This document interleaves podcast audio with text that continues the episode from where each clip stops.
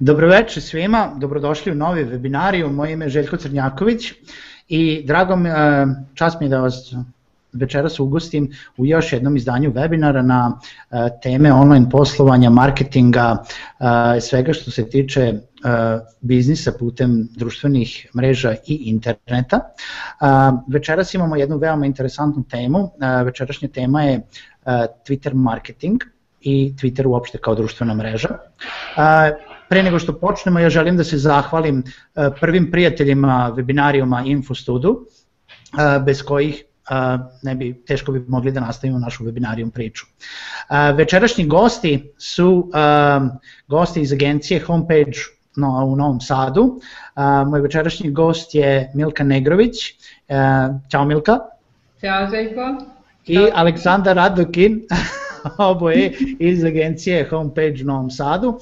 A, oni se profesionalno bave e, društvenim mrežama, e, marketingom i mnogo, te, mnogo, mnogo, sa još mnogo stvari s kojima će vas oni upoznati. Milka se posebno bavi Twitterom, je li tako Milka? Tako je. O, I večeras e, kao glavnu temu, znači pominjemo ovu jednu veoma, veoma dinamičnu društvenu mrežu sa kojom ćemo vas upoznati. Za početak, ajde da, da kažemo nešto o samom Twitteru. Pa, Milka, možeš li da nam kažeš šta je to Twitter, koje su osnovne karakteristike Twittera, zašto bi ga neko koristio? Pa Twitter je još jedna od društvenih mreža platforme za komunikaciju i Twitter je nastao kao ideja i naravno u tom nekom svom rastu prevazišao je tu ideju i postao nešto zaista krupno i veliko. Twitter sebe voli da predstavi kao besplatnu platformu za komunikaciju i ono što je karakteristično za njega jeste da e, ga ljudi koriste da se izraze, da izraze neke svoje stavove i mišljenje, da ga koriste da se povežu sa drugim ljudima i da ga sve češće koriste kao izvor vesti, kao izvor informacije. Twitter je pre svega nastao prvi tweet koji je pušten, uskoro će biti rođen tog prvog tweeta, bio je 21. marta 2006. godine i Jack Dorsey ga je osmislio kao ideju, kao SMS servis da podeli neke informacije sa prijateljima, sa društvom, recimo ako je negde u kafiću gde je jako dobro, da im pošalje poruku da je tu uh, dobra atmosfera i da mu se pridruži. Naravno, Twitter je uh, ovaj, postao mnogo veći od toga, preselio se na internet i već negde 2007. godine je dobio na popularnosti na festivalu South by Southwest gde je prvi put korišćen takozvani Twitter wall, jer je u tom interaktivnom delu konferencije Twitteraši su postavili velike ekrane na kojima se moglo videti šta se to tweetuje i od tada je Twitter doživeo tu neku veću popularnost. Dobro, ja ću biti samo kratko da te zaustavim, pa nešto da, da pomenemo ono što smo i pričali pre samog početka, a, a recimo je pitanje za oboje, mislim, a oboje ste koristite društvenu mrežu Twitter, isto kao i ja i kao većina naših gledalaca, ali mnogo ljudi me pita, mislim, Face je puno popularniji. Aleksandar, koliko je, koliko je Face popularniji od Twittera kod nas? 10 puta. 10 puta. Da, ima oko 250.000 aktivnih korisnika na Twitteru, dok na Facebooku ima 2,5 do 3 miliona trenutno aktivnih naloga. Znači to su nalozi bez korporativnih naloga i bez lažnih naloga i svega. Znači neka procena je da je to znači 10% Facebook auditorijuma na Twitteru, ali ipak ovaj e, na, na Facebooku su svi, a na Twitteru ipak malo probrana ekipa, eto može Milka malo o tome da kaže. Milka, šta ti misliš, zašto je to tako, zašto, zašto je toliko puno više ljudi na Fejsu, a ne na Twitteru i e, ono što ja dobijam jako često od ljudi koji počinju da koriste Twitter kažu meni je jako teško da se nađem, ja sam pokušao i odustao sam. Pa Twitter je pre svega potrebno najpre razumeti da biste ga koristili. Ja imam taj stav da onaj ko razume Twitter da će ga sasvim sigurno zavoleti i neće ga se odreći i neće ga menjati ni za jednu društvenu mrežu. Uh, ono što je činjenica jeste da smo svi na Facebooku. Znači, svi smo na neki način, svi imamo naloge na Facebooku, manji broj je Twitteraša, međutim, potpuno je drugačija priča, postoje velike razlike. E, čak, ono što ja volim da kažem, čak i ta plava boja kod Twittera i Facebooka je različita. I jedina zajednička karakteristika je možda što su i jedno i drugo društvene mreže. Sve ostalo ima znatno veće razlike. Recimo, mikrozajednice na Twitteru, bez obzira što je manja, ta mikrozajednica je specifična. Ako kažemo da je Facebook marketing, Twitter je PR. Prosto profil ljudi koji su na Twitteru, e, često su to influenceri, novinari, ljudi koji imaju dara za PR, ljudi koji e, na neki način imaju utice na tu svoju mikrozajednicu.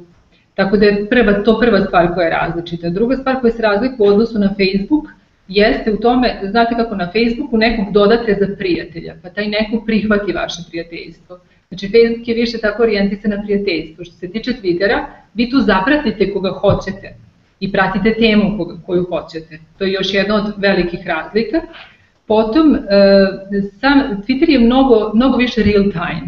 Twitter je dinamičan. Recimo, životni vek jednog tvita je negde oko sat vremena. 92% interakcija vezanih za tweet se obavi u tih prvih sat vremena. Što se tiče Facebooka, vi kad postavite neki post, on je aktivan satima, ponekad čak i danima. I to su neke osnovne razlike.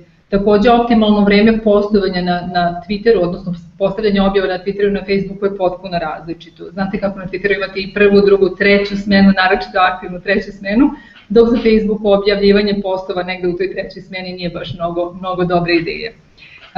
Dalje, negde moja preporuka je da se koriste i jedna i druga društvena mreža, posebno ako ste brand. Jer društvene mreže su srce online života korisnika. Svi na neki način sad imamo neki svoj online život.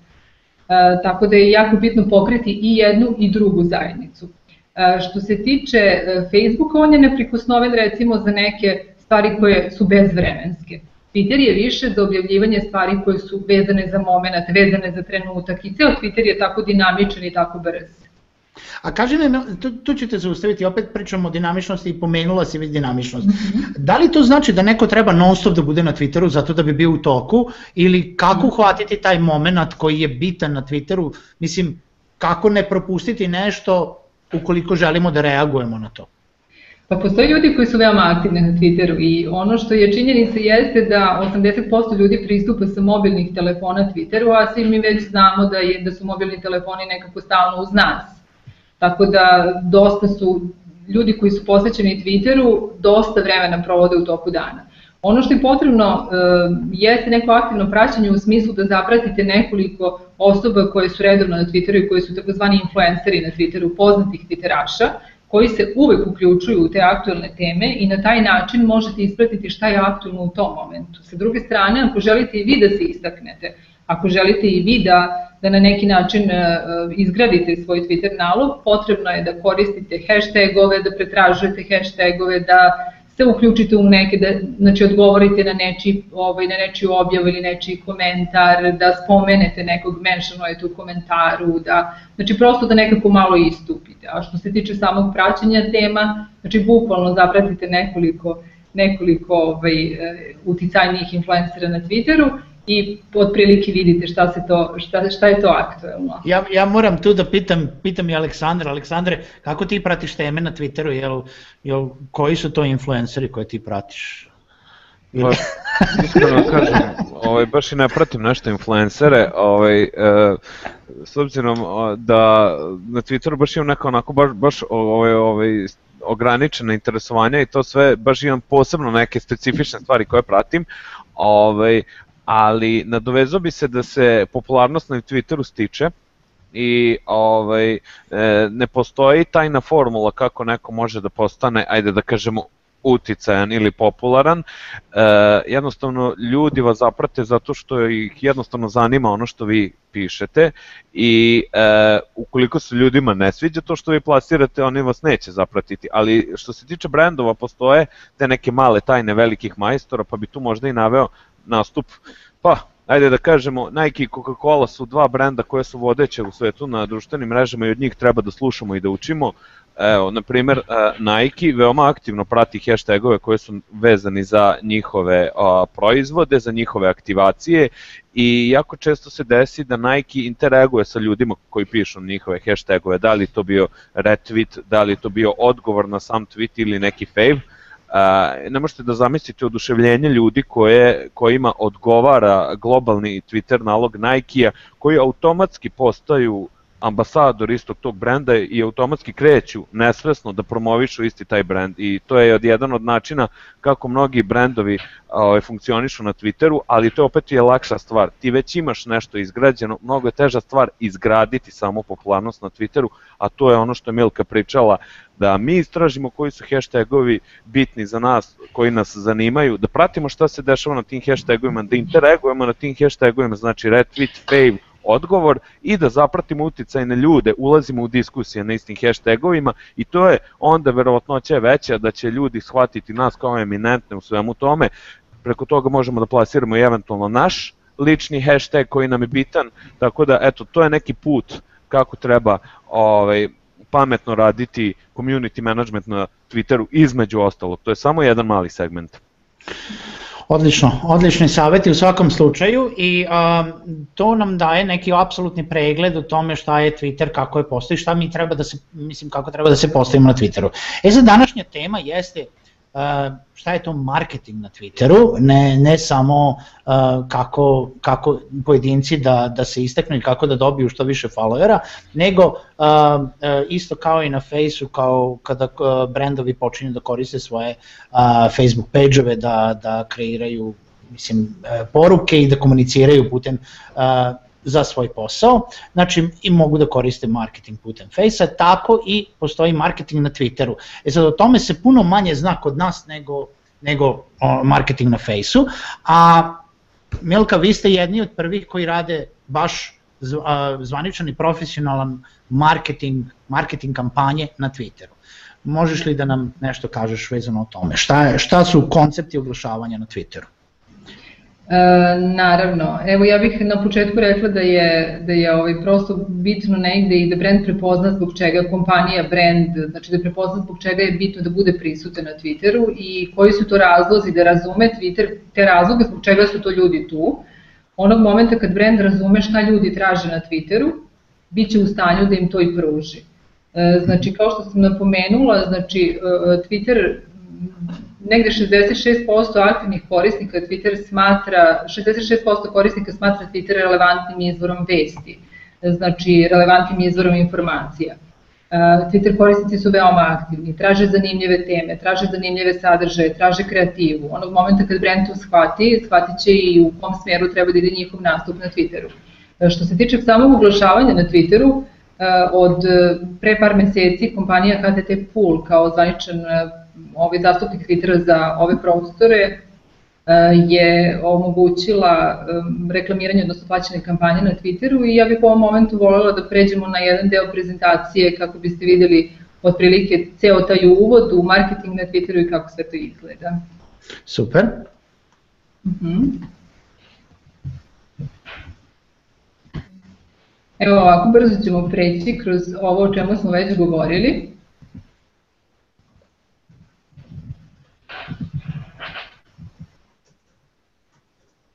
Evo ovako. Slajd koji upravo vidite govori o tome kako je izgledao izbor pape 2005. godine. Znači vidite ljudi koji posmatraju ceo taj događaj i nekoliko godina kasnije izgledalo ovako. Znači vidite da se svet veoma velikom brzinom, veoma dinamično menja i da do pre par godina je bilo maltene nemoguće da, da budemo non stop online, da, budemo, da imamo stalno sve te uređaje, sve te skrinove oko sebe. Danas se sve to promenilo. Um, nekako svi ti mobilni telefoni, smart telefoni, tableti, sve to stalno uz nas i postoje deo neke naše svakodnevice, neke naše normale. Ja bih podelila sa vama i ovaj interesantan, ovaj, ovaj interesantan prizor gde svi nešto kuckaju u svoje ekrane i pitaju se šta je ovo, šta nije u redu sa, sa čovekom na slici koji u stvari ne radi ništa na svom ekranu. To je nešto što je danas normalno i ovo je jedan primer, ovo je isto tako je interesantna činjenica da u Kini čak postoji staza za korisnike mobilnih telefona. Znači, da, prosto staza da ne bi usporavali druge dok kucaju, odvojili su stazu za korisnike mobilnih telefona. Odlično. Kao, da, kao što sam napomenula, 80% korisnika pristupa Twitteru sa mobilnih uređaja u tome je njegova moć i Twitter ima preko 284 miliona aktivnih korisnika širom sveta. U svetu se negde objavi oko 3,5 milijarde tweetova svake nedelje. Te tweetove treba posmatrati prosto kao momente. Ako ste brand, ako ste kompanija, ako želite da aktivno, aktivno imate aktivno prisutstvo na Twitteru, ovo možete posmatrati kao 3,5 milijarde momenta u koje, možete, u koje se možete na neki način uključiti. I primer kako se to brendovi uključuju i kako se to radi marketing na Twitteru prikazat ćemo kroz svetsko prvenstvo u futbolu. Ono što je takođe možda zanimljiva činjenica koju mnogi ne znaju, Twitter ptičica se zove Larry. da. To nismo ima ime. Da, ima ime. I evo da vidimo kako, je, kako se to hvata moment i kako to Larry, moćni Larry hvata moment kada je u pitanju svetsko prvenstvo na futbolu. Hashtag koji se pratio je bio World Cup, Sve, sve, sve ekipe, znači sve, svih 32 ekipe su bile prisutne na Twitteru, preko 300 igrača je bilo prisutno na Twitteru, preko 300 miliona tweetova je bilo na temu World Cup. Onda možete zamisliti koliko je bitno e, za koliko je bilo bitno za brendove da nešto tweetuju sa hashtagom World Cup, da, da budu deo tog momenta, jer su ljudi pretraživali sve što se dešava na svetskom prvenstvu pretraživanjem tog hashtaga.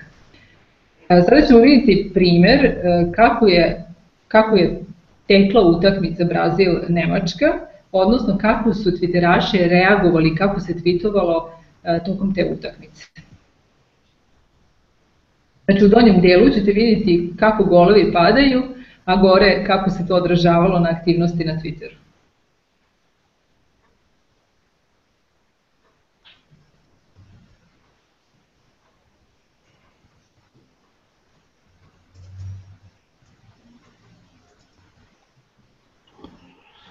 Ovde vidimo da kanadjani baš ne gledaju futbol.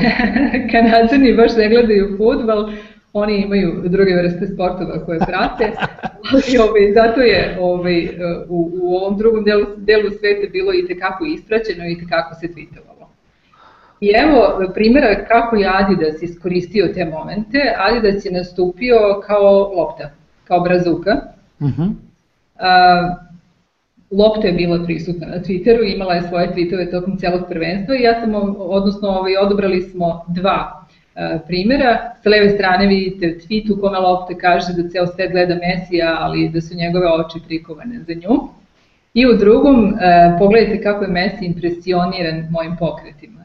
Znači to su neki primjeri da čak ne morate biti osoba ili kompanija, već kao proizvod možete napraviti svoj nalog na Twitteru i tweetovati. Potom još jedan interesantan detalj koga ne znam, pretpostavljam da se mnogi sećaju. U pitanju je moment kada je Suarez ujeo Kelini, ako se ne varam. I vidjet ćemo kako se to odrazilo na mentions, znači na hashtag Suarez. Na kraju e, tog događaja, odnosno te utakmice tog 24. juna, u toku tog dana je bilo 3.371.587 tweetova na hashtag Suarez. Znači to je ogroman broj tweetova i ogroman broj ljudi ispratilo, ispratilo ceo taj događaj. A evo kako su to ispratili brendovi.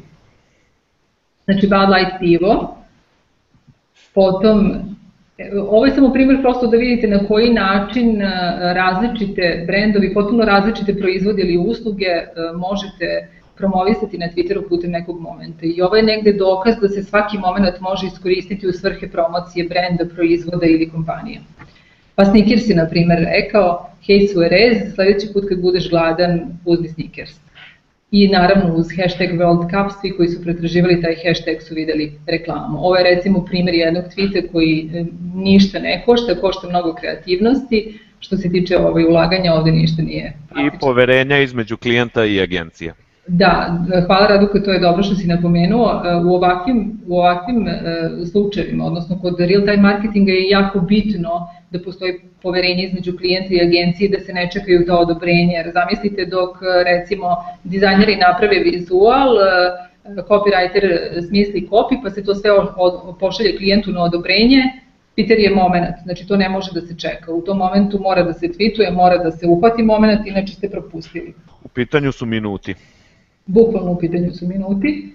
I evo još dva primjera. Sa leve strane je Listerin, odnosno e, ovaj, tečno za ispiranje usta. Oni su napisali da nakon što, što ovaj, nakon što zagrizete italijana dobro isprati zube i sa desne strane je, su žvake koje kažu žvaćite žvakene, ovi futbolski igrači. Što se tiče samog oglašavanja na Twitteru, kao što sam napomenula, od nedavno je omogućeno, omogućeni su plaćeni oglasi na Twitteru, što do pre nekoliko meseci kod nas nije postojalo, znači na Twitteru nije, bilo, nije postojala opcija bez ovaj plaćenog oglašavanja. I eh, osvrnut ćemo se malo na sam koncept oglašavanja na Twitteru. Mogu samo kratko da te prekinem, sam, samo da te pitam nešto. Ovaj, videla, videli smo kako recimo veliki brendovi reaguju na, na nešto što je a, apsolutno aktualno u tom trenutku mm -hmm. i ti ja kad smo pričali još ranije, a, bilo je tu još mnogo, mnogo primera o tome baš kako brendovi reaguju na te bitne trenutke. Mm -hmm. e, e sada, ukoliko naši brendovi ili bilo koji brend želi to neko prisustvo na Twitteru, evo uzmemo primer vas kao agenciju, jel to znači da neko bukvalno non stop prati to nešto što je aktuelno, pošto Radoka kaže to su minuti u pitanju, kako se dolazi do toga da je baš sad to bitno, jel, znači kada uzimamo, da radimo sa nekom agencijom, da li su oni non stop na Twitteru za nas? Pa, e, community management na Twitteru je poprilično specifičan. Specifičan je po tome što traži maltene konstantno prisustvo. Samo sekundu. Evo ovako, prebacit ćemo se da se vidimo. E, znači, e, community management na Twitteru, kao što sam rekla, ovaj, dosta je zahtevniji od community managementa na Facebooku. Na Facebooku postoje ne mogu da kažem da nema obaveze, ima i tekako, ali na Twitteru je taj community management mora biti još aktivniji. Što znači da negde uh, trebalo bi da konstantno bude prisutan uh, community manager, prva, druga smena, znači na Twitteru, da prati dešavanje i da iskoristi moment. To je, kažem, specifičnost i ono što mi kao agencije imamo takođe, imamo određenu proceduru u slučaju da se pojavi nešto što je aktuelno, nešto što neki moment koji bi trebali iskoristiti, mi imamo proceduru, znači bukvalno kod dizajnera tog momenta reaguje, kod, kod community menadžera tog momenta reaguje da se isprati trenutak. Mogu ja? Da bi ti dodao nešto? Naravno. Da, naravno. Ovaj, e, pa izuzetno je bitno da ovaj agencija ima sistematski to se postavljeno i mi imamo bukvalno dežurstva, a kao što znate društvene mreže nikad ne spavaju, tako da ovaj ne znam koliko se vide podočnjaci na mom i Milkinom licu, ali ovaj, e, šta da kažem, imamo i klijenta, klijente gde je najveći pik u 2 ujutru, jer su tad online e, ciljna grupa. E, pazite, mi čak i na ugovorima ovaj, koje potpisujemo s klijentima imamo respond time, za koliko ćemo mi reagovati na to, a bukvalno mindset naš je da uvek možemo da ostvarimo određenu ovaj akciju ukoliko se neki moment desi, a ovaj, bilo to u 10 uveče u ponoć ili možda u 7 ujutru, e, da se mi razumemo, posle ponoći društvene mreže blago padnu, krenu da se bude tek posle 8, pa onda ovi kad dođu na posao uz kaficu još malo ovaj, se ovaj, dođu na njih, ali mobilni telefoni u suštini prave najveći šum zato što je mobilni telefon uvek pored vas i meni u 2 ujutru kad nešto stigne ja ustajem i idem da uradim isti taj posao. A, ima nas dovoljno u agenciji da možemo da pokrijemo jedni drugi i da možemo valjano da odreagujemo, jer ko što je Milka rekla, to nije samo community manager, tu je i force koji moramo da imamo od copywritera i od dizajnera koji će to da isprati i u tome u suštini najbitnija stvar šta je ta agencijska usluga i zašto to na primjer u nekom momentu i toliko košta. Na Twitteru je jako teško ovaj, na, skalirati uslugu, jer na Twitteru i 150 tweetova tog dana je okej. Okay. E, da.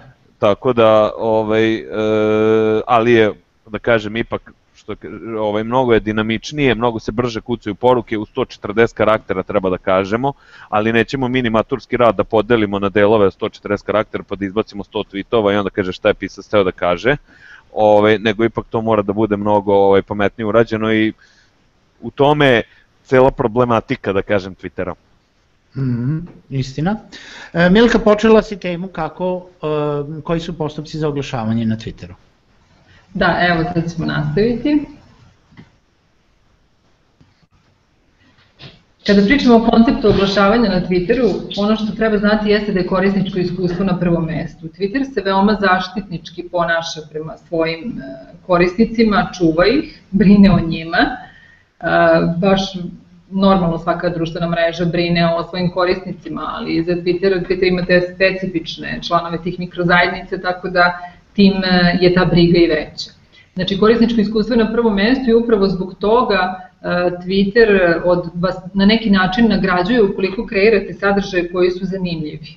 E, kako vas nagrađuje? Ono što ljudi traže na Twitteru, kao što sam rekla, jeste nešto što je za njih interesantno, što je za njih što će zadovoljiti njihovu radoznalost i interesovanje. Ukoliko vi prilikom kreiranja samih oglasa na, na Twitteru targetirate pravilnu publiku, E, prema, Raduka će kasnije pričati o tome, znači e, targetirate publiku prema interesovanjima, prema e, polu, prema mestu na kome žive i tako dalje. Što bolje targetirate i što bolje sadržaj pružite, engagement će biti veći i oglasi će vam samim tim biti jeftiniji. Advertising treba da bude u skladu sa samim Twitterom na Twitteru, baš to što pričam, znači treba da budu zanimljivi sadržaji, treba da bude nešto što će ljudima biti primamljivo.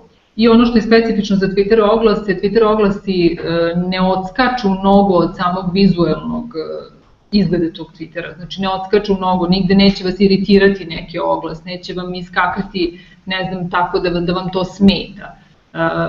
Nekako su i tekako vidljivi, ali su lepo usklađeni u timeline. I ono što je jako bitno kod koncepta oglašavanja na Twitteru jeste da Twitter nije, da Twitter nije ostrvo, da je Twitter most. E, to znači da treba te kampanje na Twitteru integrisati sa ostalim e, marketinškim aktivnostima. Znači ne posmatrati samo kao kampanja na Twitteru, već integrisati sa ostalim e, kanalima komunikacije određene poruke koje želite da prenesete. Ovde možete vidjeti kako Twitter povećava efekte reklamiranja na televiziji. Znači 95% je jače povezivanje sa porukom, a 58% veća namera za kupovinu ukoliko se ista marketinška poruka prenosi putem televizije i putem Twittera. Posebna je ta povezanost i time bi se zaista mogli na nekom od budućih temi, e, webinara e, baviti kao temom, jeste upravo taj fenomen second screena i ta povezanost, to što više ne možemo na miru da sedimo i da gledamo utakmicu, već moramo da imamo neki second screen i da još nešto ili tweetnemo ili se uključimo u neku raspravu i tako dalje. E, što se tiče samih proizvoda, odnosno vrsta oglasa na Twitteru, postoje tri grupe. Prva je promoted accounts za povećanje broja followera, potom promoted tweets i promoted trends. Promoted accounts je idealan način da privučete veliki broj pratilaca. Ovo se recimo preporučuje, znači ovo je bukvalno povećanje broja followera. Znači, preporučuje se ukoliko tek krećete, pokrećete Twitter nalog ili ukoliko planirate neku veliku kampanju ili lansiranje proizvoda ili najavu nekog velikog događaja, onda je jako bitno da, da se koristi ova vrsta oglasa, odnosno promoted account, da se koristi kako bi se ta, ta, taj broj followera i ta publika koju imate na vašem Twitter nalogu što više uvećala. E, na taj način se naravno širi i reach vašeg prisustva na Twitteru, gradi se jaka zajednica interaktivnih pratilaca koje deli sadržaj, toga se Radok i dotekao, znači dele vaše sadržaje na taj način prenose vašu poruku da toga nisu ni svesni. E, potom imamo promoted tweets. Ovo je posebna kategorija i mogla bi se na Facebooku, Radok, ja mislim da se slažeš uporediti sa boost postom. Je li tako? Pa tako nekako, da. Tako nekako, da. E, ovo je idealan način da dosegnete do korisnika u pravom momentu i u pravom kontekstu. Znači, u pitanju je, vi pustite određeni tweet i boostujete ga, odnosno e, platite e, da ga vidi veći broj ljudi.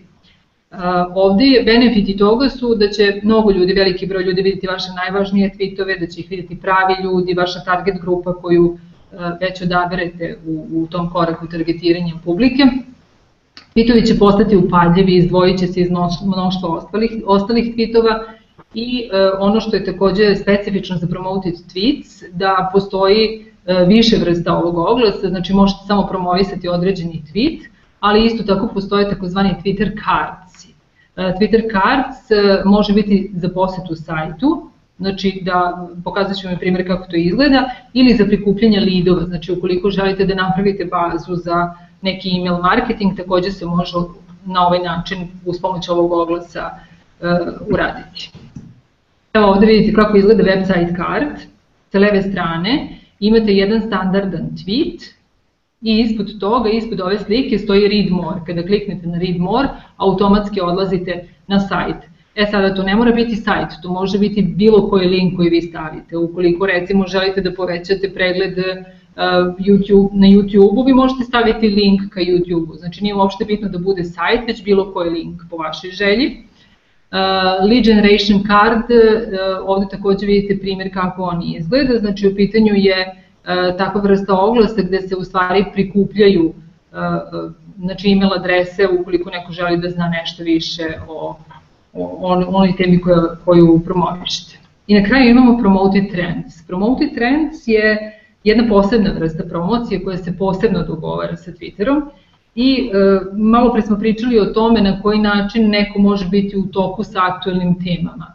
Između ostalog na Twitteru postoji ovaj, postoje trendovi, znači postoje najaktuelnije teme i promoted trends se baš odnose na taj deo Twittera. Kad uđete na svoj timeline, vi ćete vidjeti koji su to, koje su to teme popularne, šta je tu u trendu, koji su to trendovi na Twitteru i ova vrsta promocije traje 24 sata. To znači da u roku od 24 sata vaš hashtag koji vi odaberete e, će stajati na vrhu trendova. Kao što sam rekla, ovo se, e, ova vrsta se radi prosto u posebnim dogovorom sa Twitterom i ovo je sjajan, sjajan, veoma moćna promocija i sjajan način da sprovodite neke velike kampanje, da lancirate novi proizvod, ne postoji šanse da budete primećen, znači da targetirate ključne datume, da postignete masovnu svest, znači prosto ne, kad vam je potrebno nešto što je, uh, ja bih rekla, najmoćniji vid, vid promocije na Twitteru. Uh, ovako je, ovde vidite primjer kako sve to sada izgleda. Evo ovako. Uh, Samsung Poljska, ovde vidite jedan promoted tweet. Sa leve strane Adidas Poljska, to je znači e, e, ovaj promoted account, imate ovo dugme follow, znači možete automatski da zapratite i ovde u dnu vidite e, promovisan trend na Coke is Happiness, na vrhu trendova će se pojaviti i tako će biti 24 sata.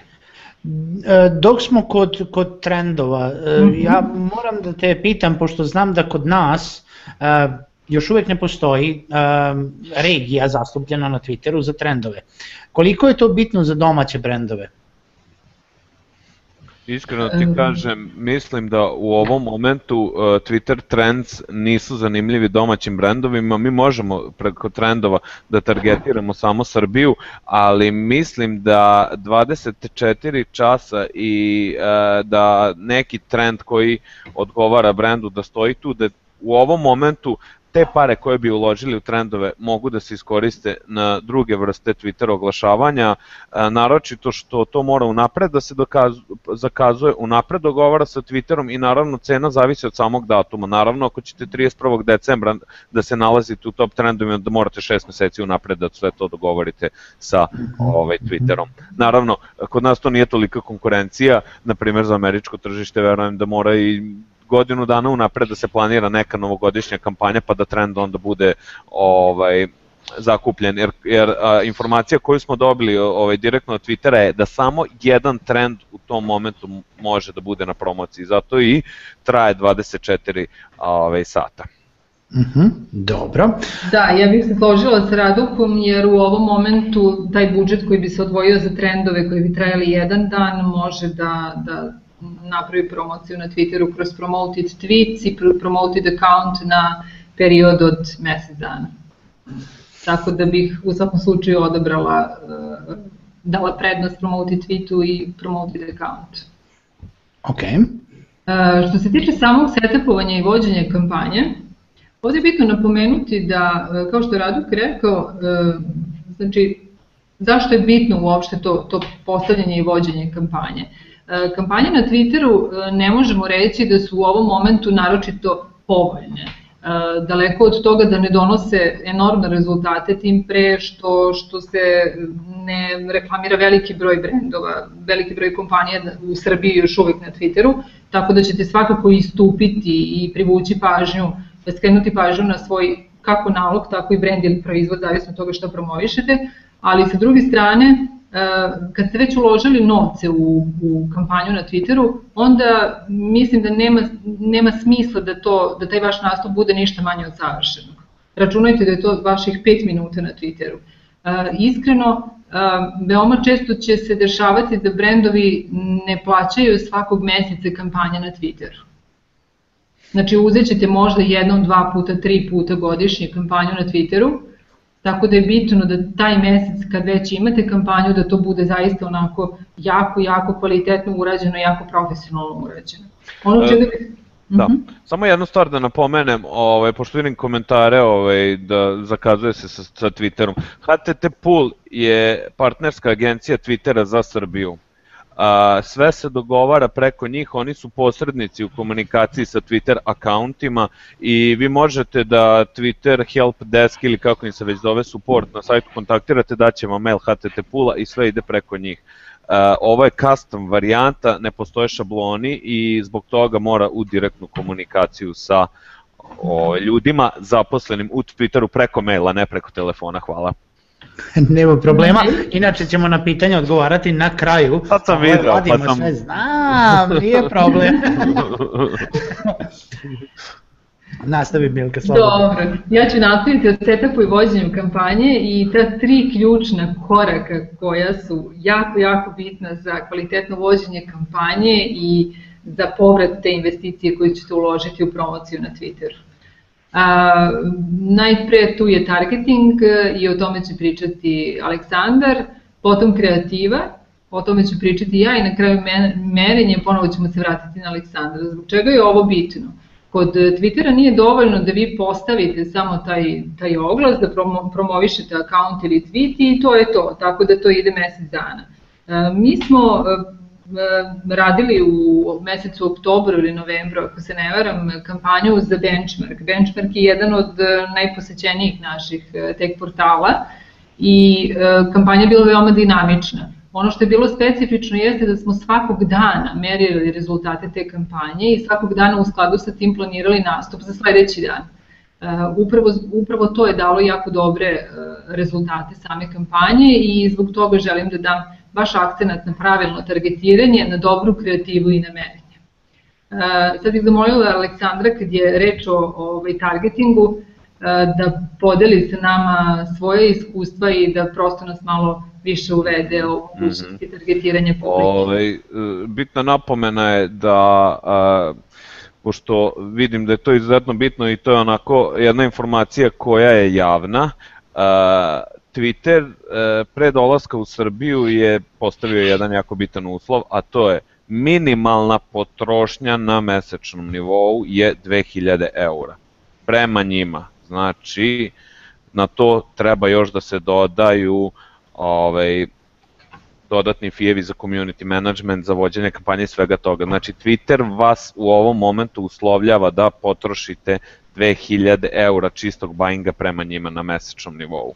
Ovaj, to je bio jedan od uslova i da se taj uslov nije prihvaćen ne bi Twitter ni došao. No, a, ne znam koliko ste upućeni, e, Twitter ima dosta različite targete u odnosu na primjer na Facebook ovaj, i onako veoma je zanimljivo samo targetovanje ljudi. Milka, može sledeći slajd molim? Naravno.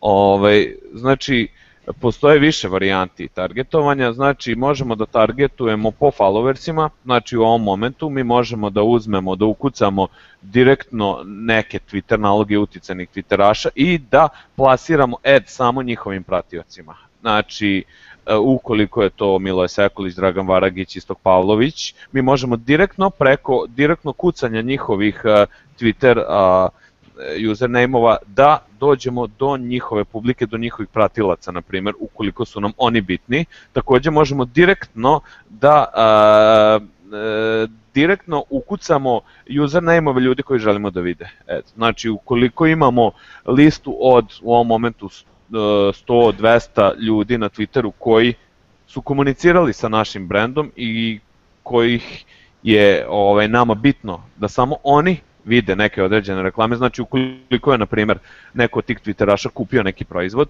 ili krenuo da kupuje isti taj proizvod i mi smo uhvatili njegov Twitter username, mi možemo da definišemo ad, da samo on vidi i da samo on vidi ad koji je uh, customizovan baš za njega. Uh, takođe, možemo po određenim interesovanjima da targetujemo. Znači mi možemo da kažemo ok, e, imamo ovih pet Twitteraša, oni su uticajni u svojoj truci, bave se digital marketingom, bave se e-PRingom, mi želimo da ovaj oglas vide ljudi slični njima i onda Twitter preko njihovih algoritama dolazi do ljudi koje dele slične interesovanja s ljudima koje smo mi ukucali. Naravno, ta interesovanja se ogledaju po hashtagovima koje su koristili u, Twitter, u svojim tweetovima, po ključnim rečima koje su koristili u svojim tweetovima ili retweetovima i favovima tweetova drugih osoba. E, takođe, postoji grupa od nekih, e, ima 15 podgrupa sa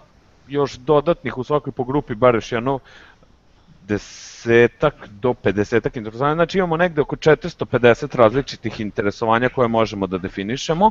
Takođe, ta ista interesovanja se a, definišu po a, kontentu koje smo mi pisali na Twitteru i po kontentu koje su ljudi koje smo mi retweetovali ili ovaj fejvovali pisali. A, veoma uh, dobro targetuje. Uh, mi smo, na primjer, na benchmark kampanji najčešće koristili ovaj target i uh, bukvalno kako smo stizali do većeg broja ljudi, tako nam je padao onaj cost per click i dostizali smo veće, veći broj impresija i samim tim nam, nam je ovaj bio jeftiniji. Takođe, možemo tačno da definišemo određene ključne reči ovaj, koje su ljudi koristili u tweetovima, E sad, ne moraju da budu hashtagovi, ali mogu. Znači, hashtagovi i ključne reči, određene reči koje neko koristi u Twitteru, mi možemo tu da ih napišemo, 500 je limit po jednoj ovaj kampanji, po setupu jednog ovaj tweeta ili followera koji ćemo staviti na promociju, znači možemo tačno da definišemo ukoliko je korisnik pomenuo reč trčanje, mi možemo da njemu plasiramo neki proizvod koji je baš za njega i samo će ljudi koji su pričali o trčanju na društvenim mrežama isti taj oglas videti. Ovaj, e, postoji jako dobra stvar koja nažalost još uvek ne funkcioniše kod nas, ali u, ovaj, u Americi je veoma živa, znači postoje grupa hashtagova unapred predefinisana u odnosu na neke TV emisije, serije ili filmove i to je na primjer kao što je kad je bio prikazivan utisak nedelje, kad su se mnogi ljudi uveče, nedeljom uveče kačili na hashtag utisak i utisak nedelje, uh, isto tako u Americi već unapred predefinisanih ima, na primjer, 10 hashtagova na Game of Thrones ili neku od popularnih TV serija i mi bukvalno možemo da kažemo ok, hoću da uh, fanovi serije Game of Thrones na Twitteru koji znači tweetuju isto toj seriji vide taj ad i mi direktno možemo preko toga da im ubacimo određeni product placement tu i Takođe, Twitter nam je omogućio da možemo bukvalno custom da krojimo naše, ovaj, naš audience bukvalno, znači ukoliko imamo, kao što malo pre sam rekao, određene mail adrese ili username-ove ljudi na Twitteru i imamo tu bazu i želimo da iskoristimo da samo ljudi iz te baze vide tweetove, mi to možemo da uradimo. Naravno, možemo kao i na Faceu da targetujemo po lokaciji, a po meni ovaj, u Srbiji baš ne funkcioniše jer a, pokazalo nam se da ciljanje po gradovima baš i ne funkcioniše. Nadamo se da će biti bolje ovaj, u budućnosti. Takođe možemo po polu da ovaj, targetujemo, možemo bukvalno po ovaj, operativnom sistemu mobilnih uređaja da targetujemo ljude i naravno vrsti operativnog sistema, dalje iOS, dalje Android, koja verzija Androida, dalje Touch, pa koja verzija, pa koja rezolucija, znači bukvalno možemo da naciljamo do toga da određeni model telefona, samo ljudi koji koriste određen model mobilnog telefona vide naš ad i naravno na kom jeziku ljudi pišu možemo isto tako da ih i targetujemo.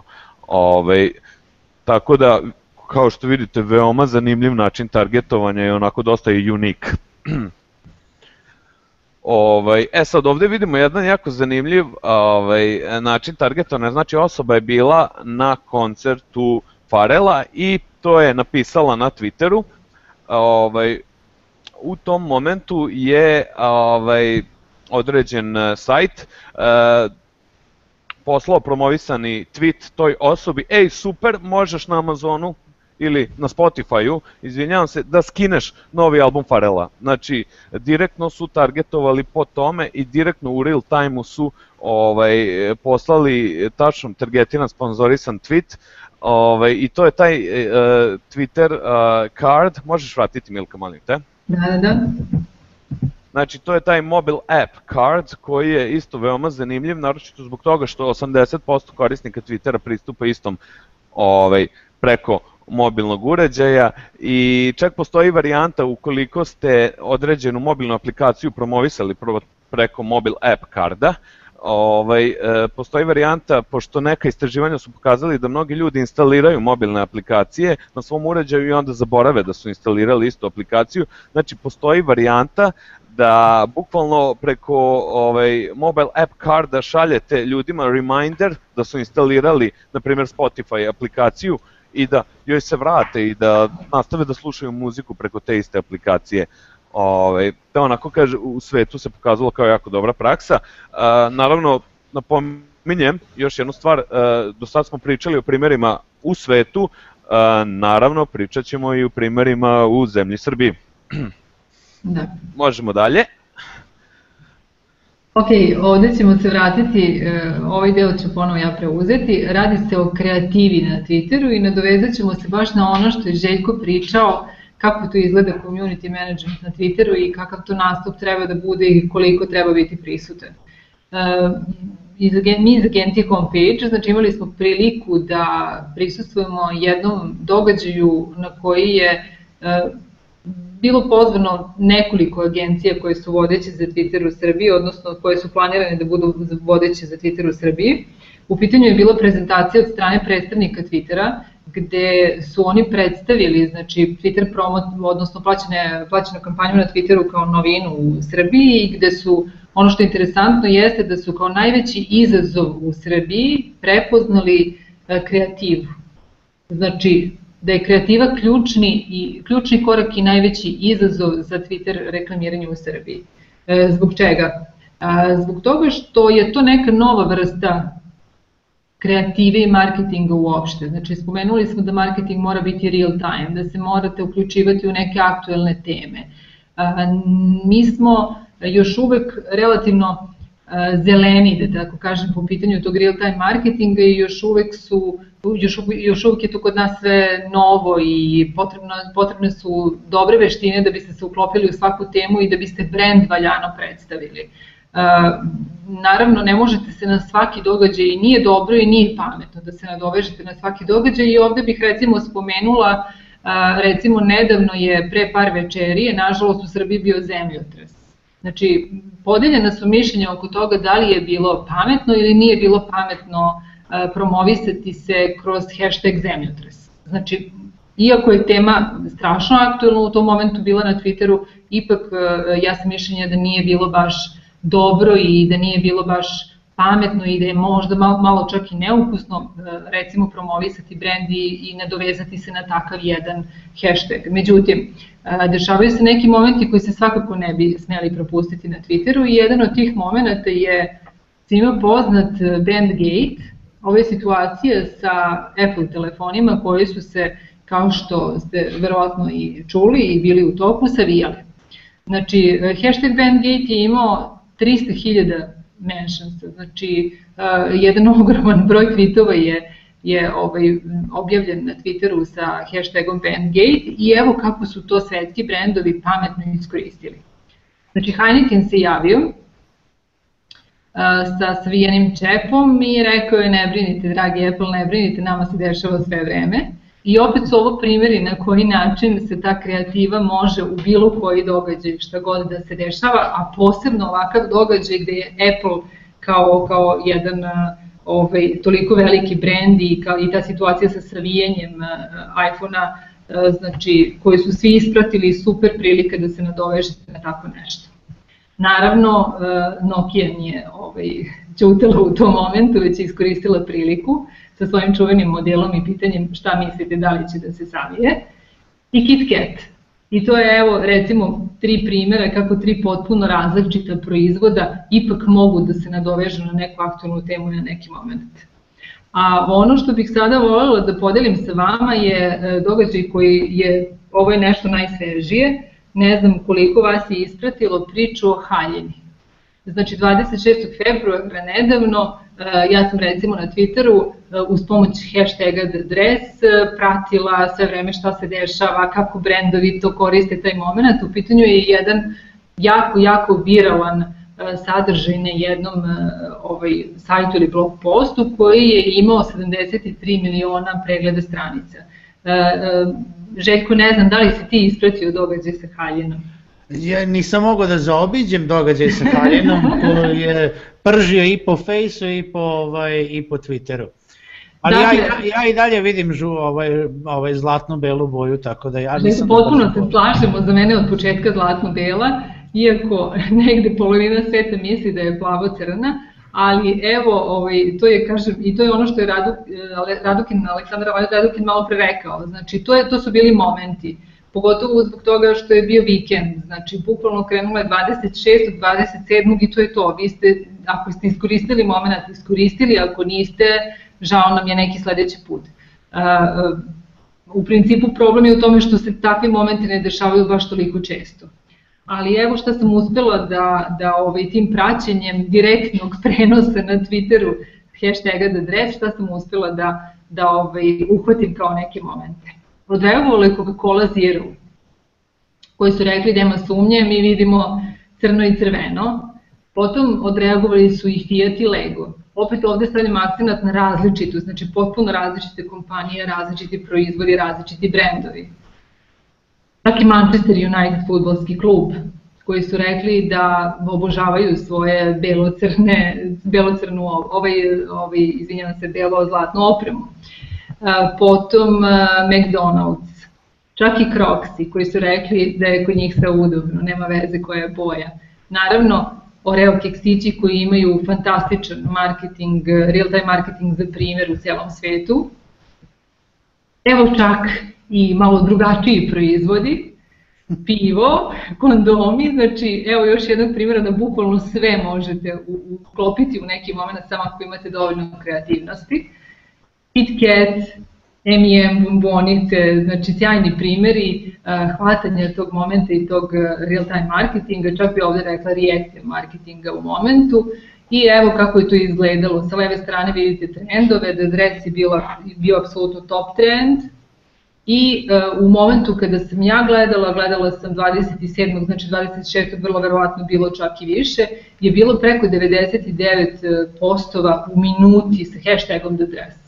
Onda možete zamisliti koja je to moć, uh, prosto koliko je, koliko je moćan bio taj hashtag da nadovežete i da uklopite svoj brand. U ovom slučaju mislim da nije bilo teško, Uh, ali kad, kad pomislite onako na prvu loptu je bilo za Boga kako da uklopim, ne znam, haljinu i lego kocke ili kako da uklopim, uh, kako da povežem haljinu sa pivom, ovaj, videli ste primere kreative i upravo zbog toga je potrebno angažovati agenciju i angažovati ljude koji su kreativni i koji to mogu da urade u tom momentu jer ovde nema mnogo vremena za razmišljanje.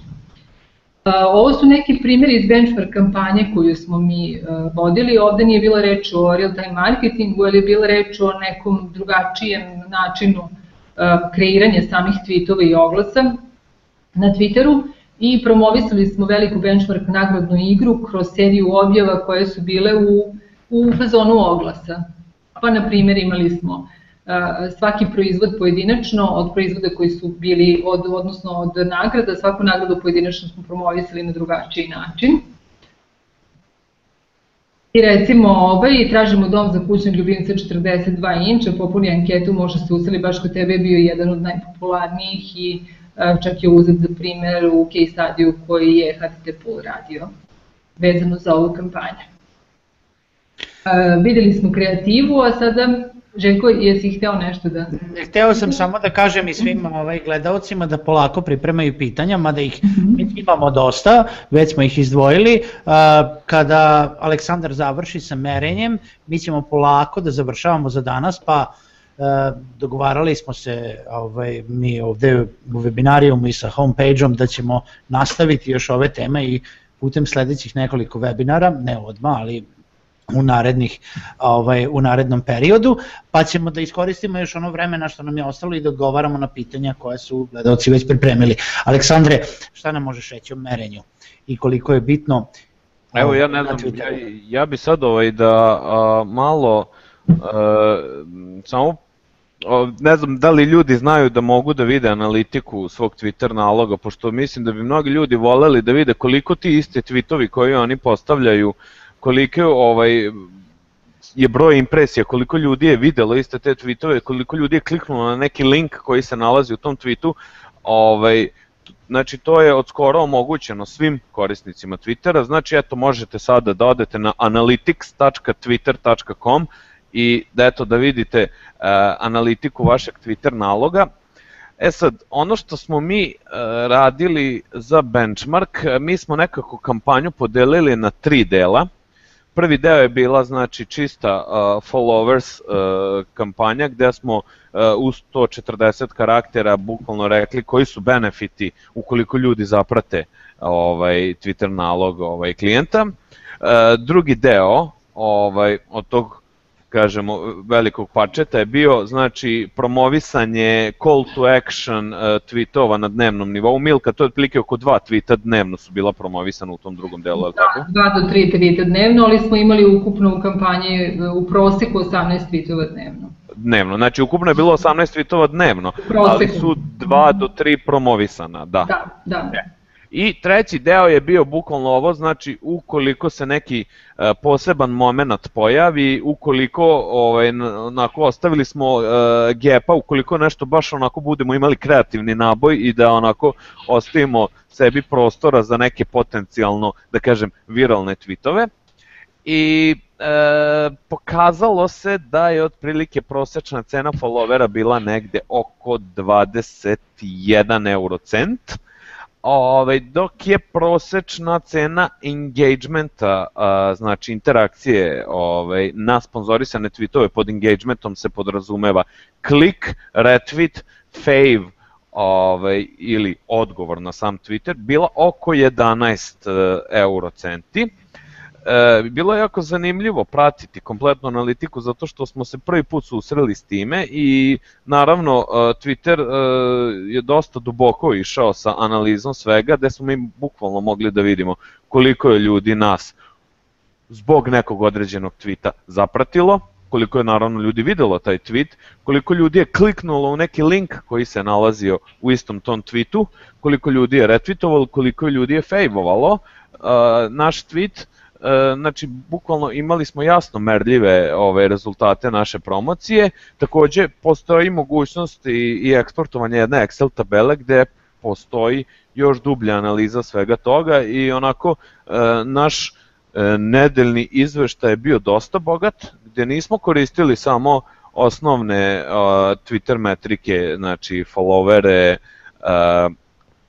retweetove, fejvove, nego smo ubacivali i kompletno impresije Twittera, kompletno unique impresije Twittera, kompletno koliko je ljudi posetilo ovaj, naš Twitter nalog, kompletno koliko je ljudi kliknula na neki Twitter card, koliko je ljudi sa Twitter naloga otišlo na naš website, koliko ljudi nas je mentionovalo. Znači, bukvalno smo imali onako jednu detaljnu statistiku i što je jako zanimljivo, za svaki tweet smo mogli uvek u svakom momentu da znamo koliko je ljudi videlo taj tweet, e, da li su to organske posete, da li su to plaćene posete i mi smo se onako u jednom momentu iznenadili da e, s obzirom da je večito popularna tema na Facebooku organskog riča na Facebook stranicama gde se sve više i više ljudi žale kako je Facebook ubio ili nije ubio isti taj organski rič, e, shvatili smo da na Twitteru situacija pa nije baš mnogo bolja i da generalno vaš tweet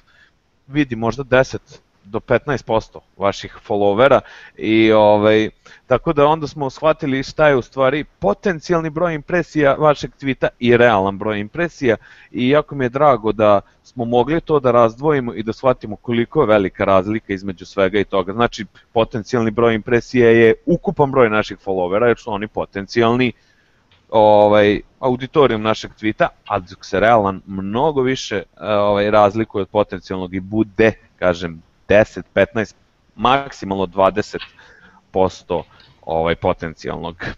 Uh, tako da, eto, ja bih vam preporučio da, da, da se poigrate malo i sa svojim nalogom i da odete na analytics.twitter.com i da pogledate šta sve to Twitter ovaj, nudi za vaš nalog. Napominjem da postoji opcija sign up for Twitter ads, ali za srpsko tržište Uh, ukoliko kontaktirate direktno Twitter, bit ćete prosleđeni na ovaj, partnersku agenciju. Uh, takođe za ceo region bivše Jugoslavije je partnerska agencija HTT Pool, tako da isti uslovi važe i za Hrvatsku. Ja sam onako malo ubrzao. Odlično, super, super. Ovaj, evo imamo već puno pitanja koje se javljaju, ovaj, pa možemo da pređemo na neke od njih odmah da vidimo da i odgovaramo uh, redom. Neki su odgovoreni usput, ali svejedno uh, ići ćemo redom. Kaže, uh, da li Twitter direktno utiče na SEO i kada? Pa, generalno može da utiče na SEO, ali e, ipak e, to moramo da ovako sa dosta rezerve uzmemo zato što je Twitter kao i Facebook direktno konkurencija Google-u.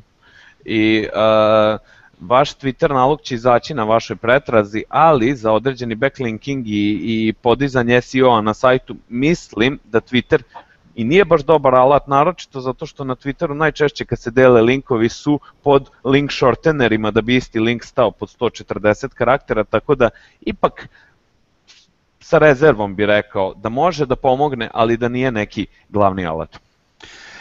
Kaže sledeće pitanje, molila bi da vam kaže, da mi kažete kolika je konverzija ako je akcija vođena samo putem Twittera, mislim primarno na promenu ponašanja ciljene grupe, iz nekog vašeg ličnog iskustva. E pa sad zavisi koja konverzija i da. to, to, je, to je sad onako široka priča, ovaj, sve zavisi šta je cilj.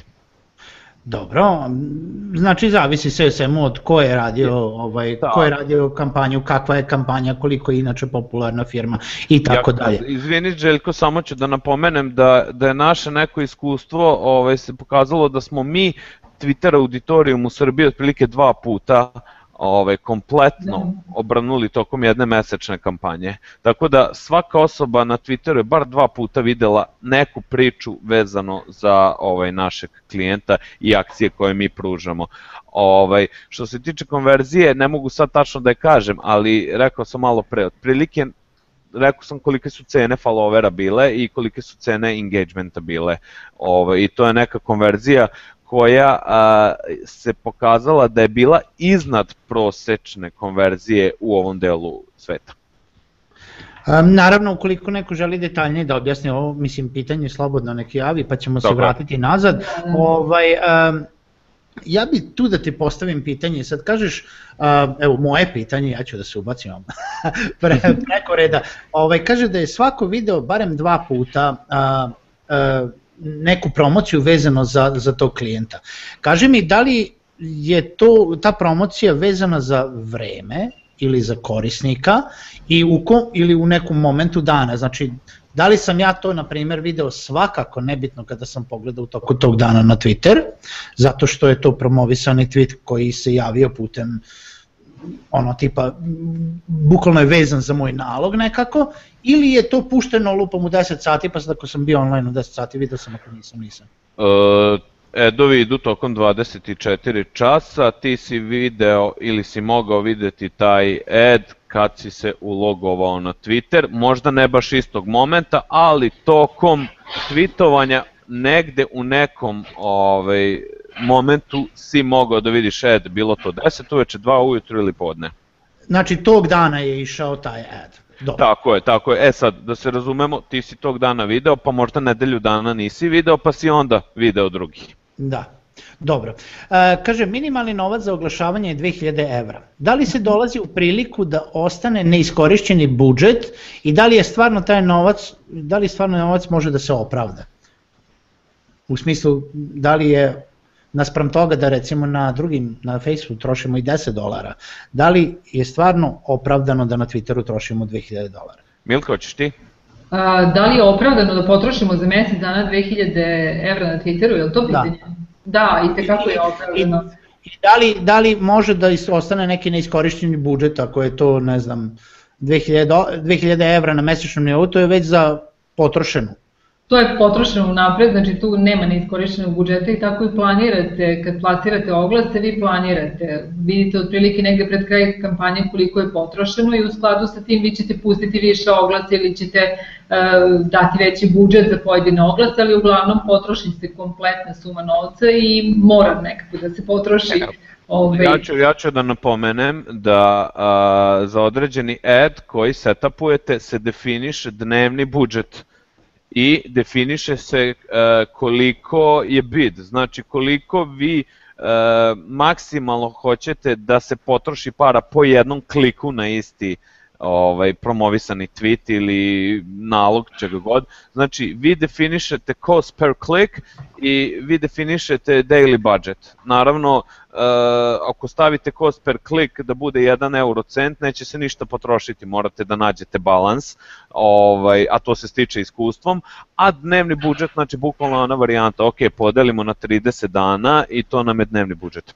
Ali baš, baš je onda to pitanje, znači ako mi određujemo to i ovaj posle ostane nam neiskorišteni budžet koji nismo alocirali, a platili smo HTTP-u 2000 evra, to je potrošeno, znači moramo uplatiti ponovo 2000 evra, ostalo je na primjer 100 evra koje nismo upravo, upravo zbog toga se prati kampanja, znači vi radite praćenje i merenje na, na dnevnom nivou, vi u svakom momentu, svakog dana znate koliko vam je do jednog evra u analitici, prosto vidite koliko vam je ostalo i znate kako ćete to rasporediti za buduće. Uh, ukoliko vi dozvolite da vam to ostane, to je druga priča ali sam sasvim sigurna da neko ko vodi kampanju sigurno neće dozvoliti da, da ostane nešto neiskorišćeno. Što se tiče same isplativosti, uh, ovaj, pošto ako sam dobro shvatila pitanje i koliko je to isplativo.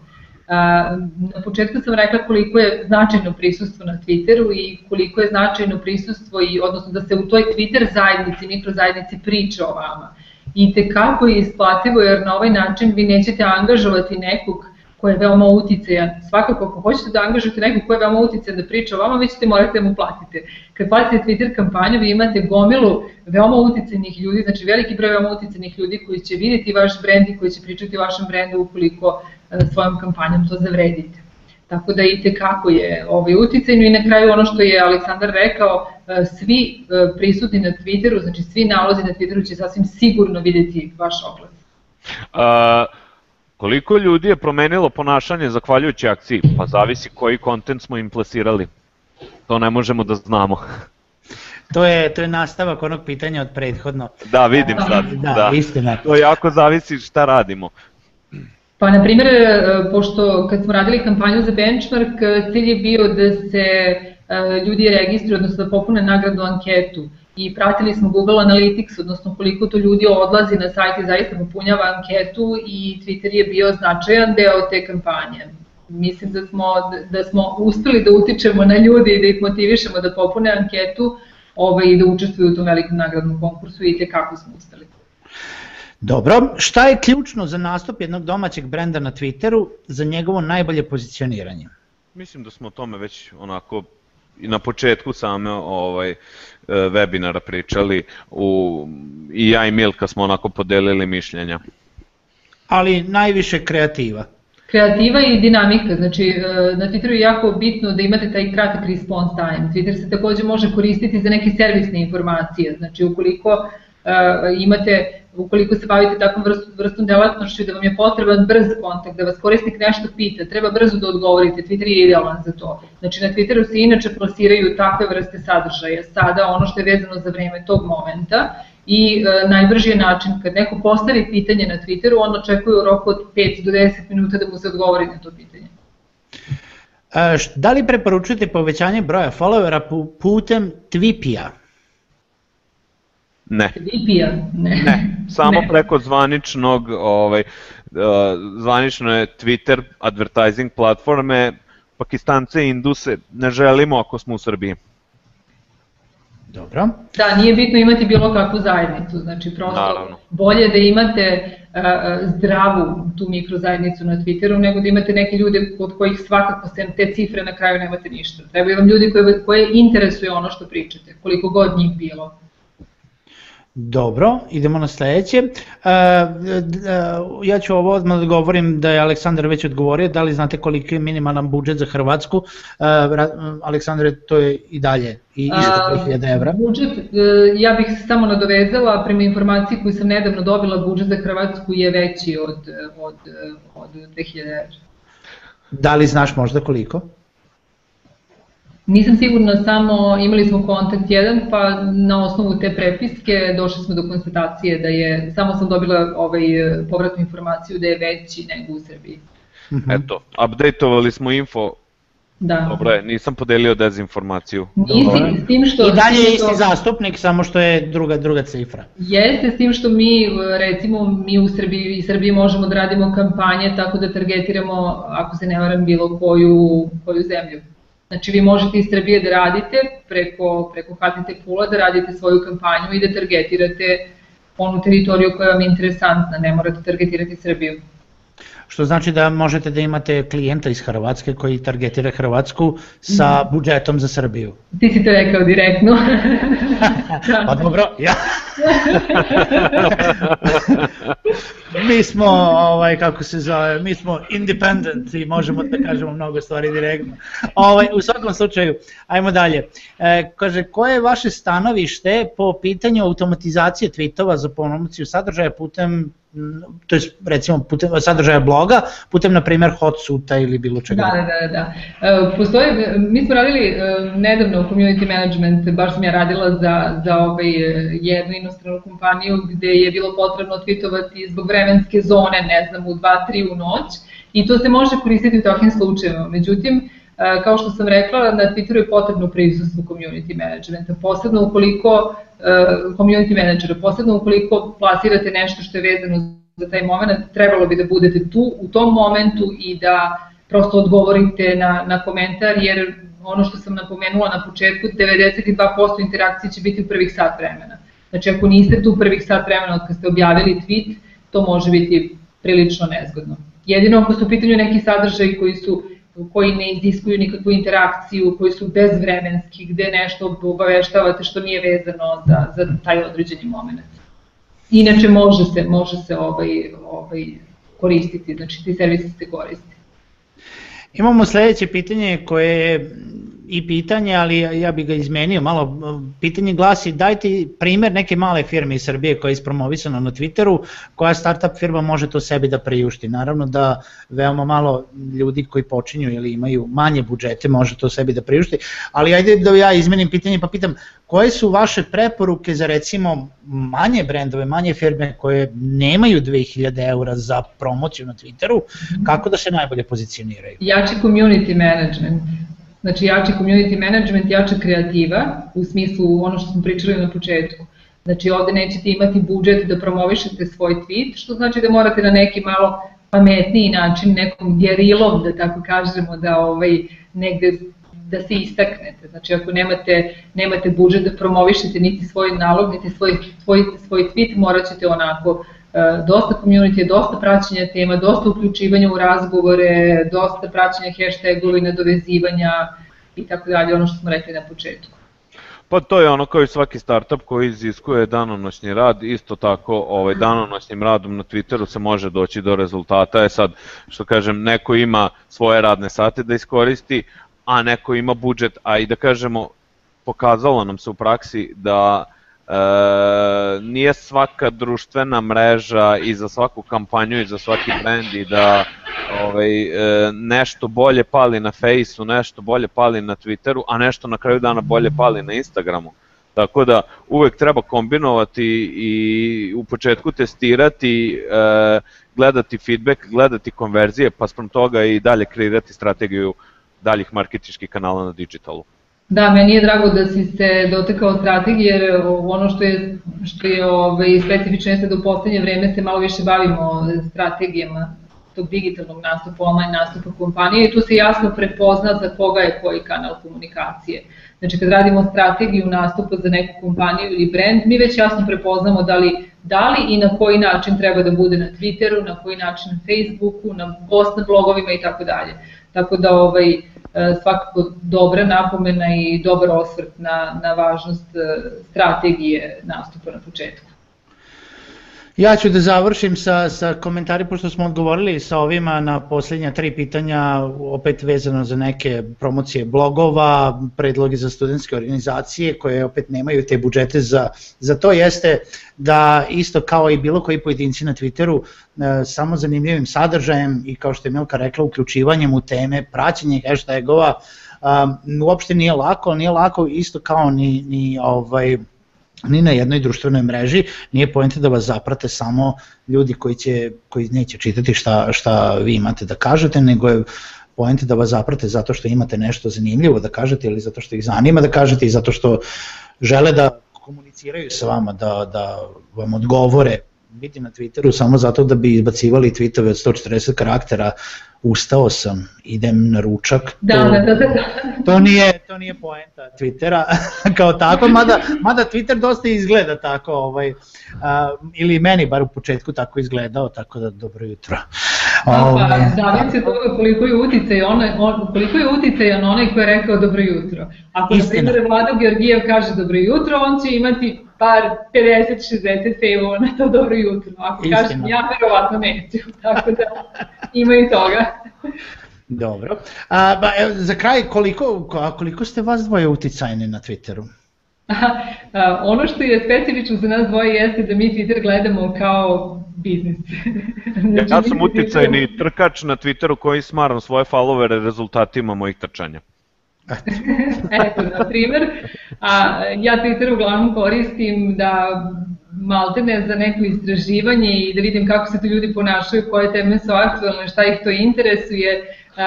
U ovom momentu mnogo više radim na građanju tuđih Twitter naloga nego svog, ali dobro doći će jednog dana. Uh, daleko od toga da u homepage-u nemamo ljude koji su frontalno okrenuti Twitteru kao što je Mila Sekulić, mi smo ipak onaj backend, mi smo oni u rovu. Da. da. Ja ću ovaj isto tako da kažem da mi ili i, i želim i vaše komentare da isto kao i za Face na Twitteru važi da ne mešamo ovaj privatne profile i brand profile ako imate e, nalog za firmu, ako imate nalog Naravno. za bilo šta drugo, osim toga nemojte da mešate tweetove jedne i druge i za kraj nemojte da povezujete ovaj profile uh, Twittera, Facea, Instagrama, sve zajedno u jedan. O, da. Apsolutno, Jer... nikako, nikako, nikako. To je ono ne nikako e, iz razloga što je drugačiji način komunikacije, drugačiji i to je negde i najveća greška, hvala ti što ste spomenuo, to je naj, negde i najveća greška koju ponekad prave brendovi da imaju i, apsolutno isti kopij za Twitter, za Facebook i za Instagram. E, to su ja bi... tri različite da. nastupa, tri različite ciljne grupe to je ne nikako. Evo i jedan hint za kraj, pošto ovaj, vidim ovaj, da se pominje Google Analytics, sad sam video na Twitteru, hvala ovaj, Maji, E, jako je bitno, pored e, promocije, ukoliko vršite promociju web sajta ovaj, preko Twittera, da uvek analitiku uporedite sa Google analitikom, je, i to ne važi samo za Twitter, to važi i za Facebook, jer dešava se da bude većih oscilacija između analitika i da spram tih razlika na kraju dana ovaj, na neki način mogu da se optimizuju iste adovi jer su bukvalno druge e, arhitektura je Google analitike, ovaj, e, Facebook ad platforme ili Twitter ad platforme, tako da dolazi do oscilacija u analitikama, naravno dobrim a, setupom samih adova i dobrim plasiranjem ciljanih grupa to može da se malo ublaži, ali napominjem da ima oscilacija. Dobro, i od mene jedan hint za kraj, na Twitteru nemojte da spamujete, nemojte da, da ovaj, se na silu uključujete u neke konverzacije, nemojte nikako da se trudite da budete smešni, jer to je ovaj, ili spontano, ili ste spontano smešni ili, ili je totalna propast i prosto uhvatite moment. Odlično, puno hvala a, e, i Aleksandru i Milki na, na dobrim savetima. A, mi ćemo da imamo još mnogo tema sa a, ljudima iz agencije Homepage, pogotovo i sa Aleksandrom i sa Milkom i sa drugima, već imamo dogovore unapred. A, kad smo već kod Google Analitike, čeka nas novi webinar za dve nedelje vezan baš za Google Analitiku, istina nevezano za Twitter, nevezano za to, sa a, gostom iz Infostuda. Tako da vidim da se pominju još neke društvene mreže kao što je Pinterest na, na, ovaj, na chatu i to ćemo da obradimo, tako da to sve... I Instagram. I Instagram. Instagram obavezno. Ne, ovaj, sve u svemu imamo, imamo mnogo, mnogo tema koje imamo da obradimo, e, da pomenemo da recimo anketu koju smo radili još u decembru a, prošle godine, gde ste a, svi više naši gledalci učestvovali, dobili smo preko 65 ideja za teme a, tako da smo, ja mislim, apsolutno popunjeni za, za ovu godinu a, i, i nema nikakve bojazni da će nam iscureti tema što se toga tiče. Želim svima da se zahvalim prvo vama, a, Milka i a, Aleksandre, Hvala na, vaš, na vašem gostovanju večeras. Bilo mi e, može Raduka slobodno, svi me već znaju, tako da... Tako da, o, da, mi uvek krenemo kao rad... Da, da, ona... naši smo, naši smo. ovaj, tako, posebno želim da se zahvalim gledaocima i našim prijateljima iz Infostuda. Uh, vidimo se uh, već od sledeće nedelje kreću najave za novi webinar, prijavite se na našu mailing listu, imate link na Faceu, uskoro ćete imati link od petka lansiramo i novi sajt, tako da tu smo, postavljajte nam pitanja, pratite nas na Twitteru, pratite nas na Faceu, slušamo vas, imamo još nekoliko iznenađenja za vas u veoma skorije budućnosti i vidimo se na sledećem webinarijumu. Laku noć i prijatno. Prijatno. Prijatno.